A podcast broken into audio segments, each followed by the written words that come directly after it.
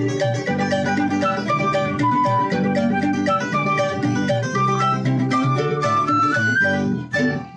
coba kawan, kau dengar ku punya cerita. Tempat biasa aku berbagi rasa. Suka duka tinggi bersama. Ikan gelap di balik ramainya Jogja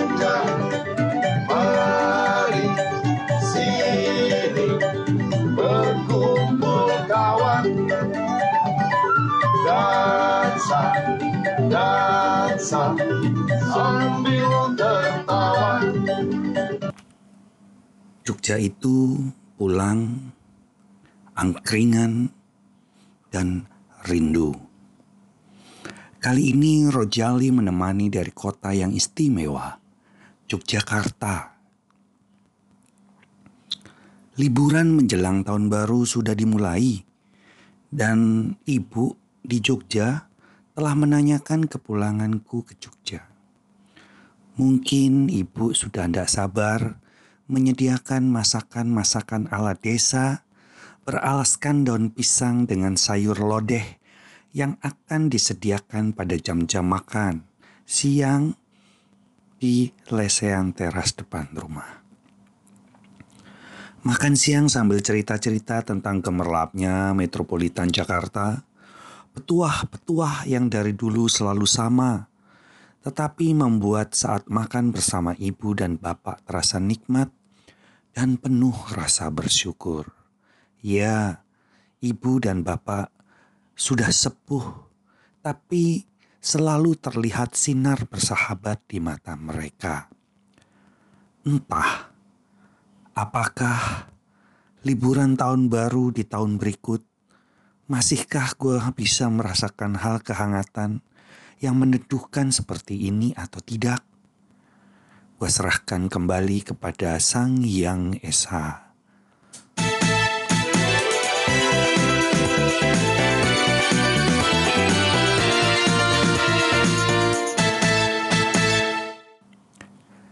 Oh iya, jadi ingat, ada tetangga yang anaknya kebetulan kuliah di Jogja. Seorang Pak Haji dari Betawi asli yang mengirimkan anak gadisnya ke Jogja untuk kuliah di Jogja dengan harapan anaknya jadi sarjana dan jauh dari pergaulan liar di Jakarta. Yang untuk keamanan dititipkan sama ibu kos di bilangan Senturan Jogja sebagai bentuk kepercayaan. Tapi tiga bulan kemudian si anak gadis mau menelpon bapaknya. Mau ngasih tahu kalau dia hamil dua bulan. Aduh, marahlah si Pak Haji dan mendatangi si ibu kos di Senturan Jogja. Pak Haji bilang ini, bagaimana inti? Aneh beri tanggung jawab anak gadis aneh, kok bisa kejadian kayak gini? Si ibu kos ngejawab, aduh pak, kulo boten ngertos. Sing kulo ngertos, anakipun Pak Haji mandinya mandi dewe, tiduripun tidur dewe, belajar nang kamar dewe. Nah, sebelum si ibu kos menyelesaikan kalimatnya, Pak Haji langsung marah. Bagaimana kagak hamil anak gue? Mandi dewe, tidur dewe, sampai belajar aja di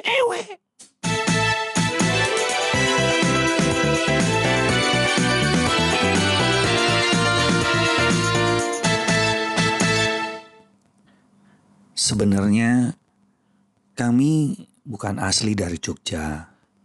Kami berasal dari Jawa Timur yang kemudian merantau ke Jakarta sampai kemudian ibu dan bapak pensiun, gua mengusulkan Yogyakarta. Itulah sebabnya kami sampai di Jogja yang mengagumkan ini.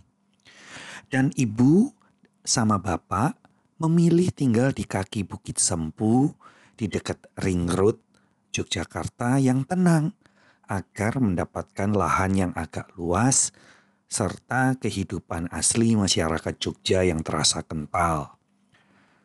Jogja, apa yang terlintas di pikiran kalian ketika kata Jogja tersuarakan? Bagi wisatawan, model bangunan kuno, tempat wisata unik di sana-sini, jajanan maupun gudeg yang tersohor nikmat tanpa mahal, atau kain-kain batik di pasar Beringharjo Malioboro yang sangat dikenal dari dahulu ke penjuru dunia. Bagi sebagian orang yang gue yakin mereka ingin menuntut ilmu di Jogja, karena banyaknya pusat-pusat pendidikan dan universitas di Jogja yang membentuk kreativitas yang luar biasa sebagai ciri khasnya. Jogja bukan kota gengsi. Di sini nih, keramahan yang mudah akrab menjadi gaya hidup sehari-hari. Salah satu alasan paling umum kenapa orang suka Jogja adalah karena memang Jogja ini bikin jatuh cinta. Itu semua orang juga tahu dong. Bahkan orang yang datang ke Jogja dalam waktu dua hari saja akan merasakan bahwa kota ini sangat bikin jatuh cinta. Tapi bagi mereka yang berkuliah di sini, seperti para mahasiswa, rasa jatuh cintanya tentu berbeda. Kota ini manusiawi. Gue bukan orang yang super baik, yang kerjaannya tiap hari beribadah, bukan. Gue juga butuh tempat nongkrong, tempat biliar, dan bahkan mungkin klub malam. Kepahitan kehidupan yang diwujudkan dalam wujud-wujud berkesenian, baik musik, teater, lukis, dan lain-lain, lingkungan di Jogja demikian tiba-tiba menarik dan mendukung itu semua. Di Jogja semua itu ada lengkap. Mulai dari hal baik hingga hal buruk. Mulai dari yang murah hingga yang mahal. Mulai dari dari yang nyeni hingga yang logis masa kini. Semua ada di kota dengan lebih dari 500 mahasiswa perantauan dan lebih dari 5.500 mahasiswa saat ini. Jika memutuskan bekerja di sini, ya harus siap ya. Jogja tidak seperti Semarang, Gresik, Surabaya, Sidoarjo yang memang kota industri. Di sini UMR-nya kecil. Tapi UMR yang kecil itu kadang tertutup oleh tawa-tawa renyah di angkringan Teriakan-teriakan orang di burjo atau bubur ijo warungnya saat nonton bola karena di kosnya tidak punya TV. Kecilnya UMR di kota Yogyakarta ditutupi oleh kenyamanan. Inilah suasana Jogja, kota yang masih paling waras dari berbagai kota lain di Indonesia. Di luar semua alasan di atas, Salah satu alasan kenapa akhirnya gue begitu mencintai Jogja adalah karena gue menemukan banyak hal di sini. Gue menemukan kedewasaan di sini. Dari berbagai cerita teman di kota ini, mereka merasakan romantisme yang unik, baik yang merasa patah hati ditinggalkan pacar, menemukan yang salah, dan akhirnya ada pula yang menemukan jodoh Kota ini adalah saksi perjalanan hidup gua yang biasa aja ini sih. Gua mendapatkan banyak pengalaman di sini, baik itu yang baik maupun yang buruk. Yang jelas, kota ini adalah kota tercinta yang akan gue tinggali dalam waktu yang sangat lama atau bahkan hingga tua walaupun dalam dimensi yang berbeda. Suasana lingkungan di Jogja yang lembut, yang memanusiakan manusia, semoga nggak akan pudar oleh radikalisme kaum kapital.